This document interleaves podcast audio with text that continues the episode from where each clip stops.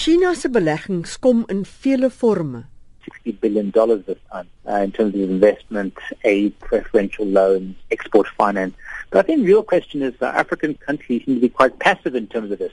Where's the preferential market access, trade access, investment access for African companies moving into China? I think a lot of South African companies particularly have sizable footprints and intention to invest as well as export markets and selling into China. We need to be a bit more proactive on our side to leverage these political relationships for market access in China in the same way that China does for ourselves here in Africa. Davy sê China het die afgelope jaar 'n netto uitvoerder van kapitaal geword. So it's not just state capitalism, it's most important is China's private companies and private individuals who are investing abroad, particularly in the US housing market.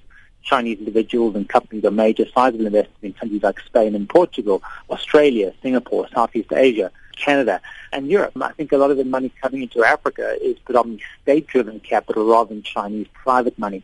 I think ultimately for our relationship to mature, we'll start seeing Chinese private money coming to the continent. This will engage Africa with very different calculations of risk. Maar hoe verreken China sy risiko's verskillend van ander multinasjonale maatskappye wat sake in Afrika doen? Davies sê die maatskappye jaag die waarde van die belegger na therefore have a higher sense of risk compared to China, which is which clearly has been state capital led.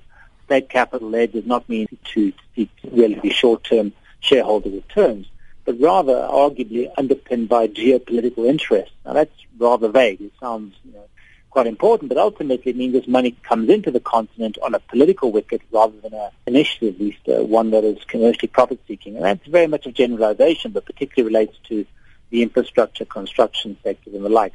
Dr Martin Davies, die bestuurende direkteur van ontleikende markte in Afrika by African Frontier Deloitte. Hy glo dat China uiteindelik ook sy risiko's sal bereken soos ander multinasjonale maatskappye na mate hy tuis word in Afrika. Mitsi van der Merwe, SABC nuus.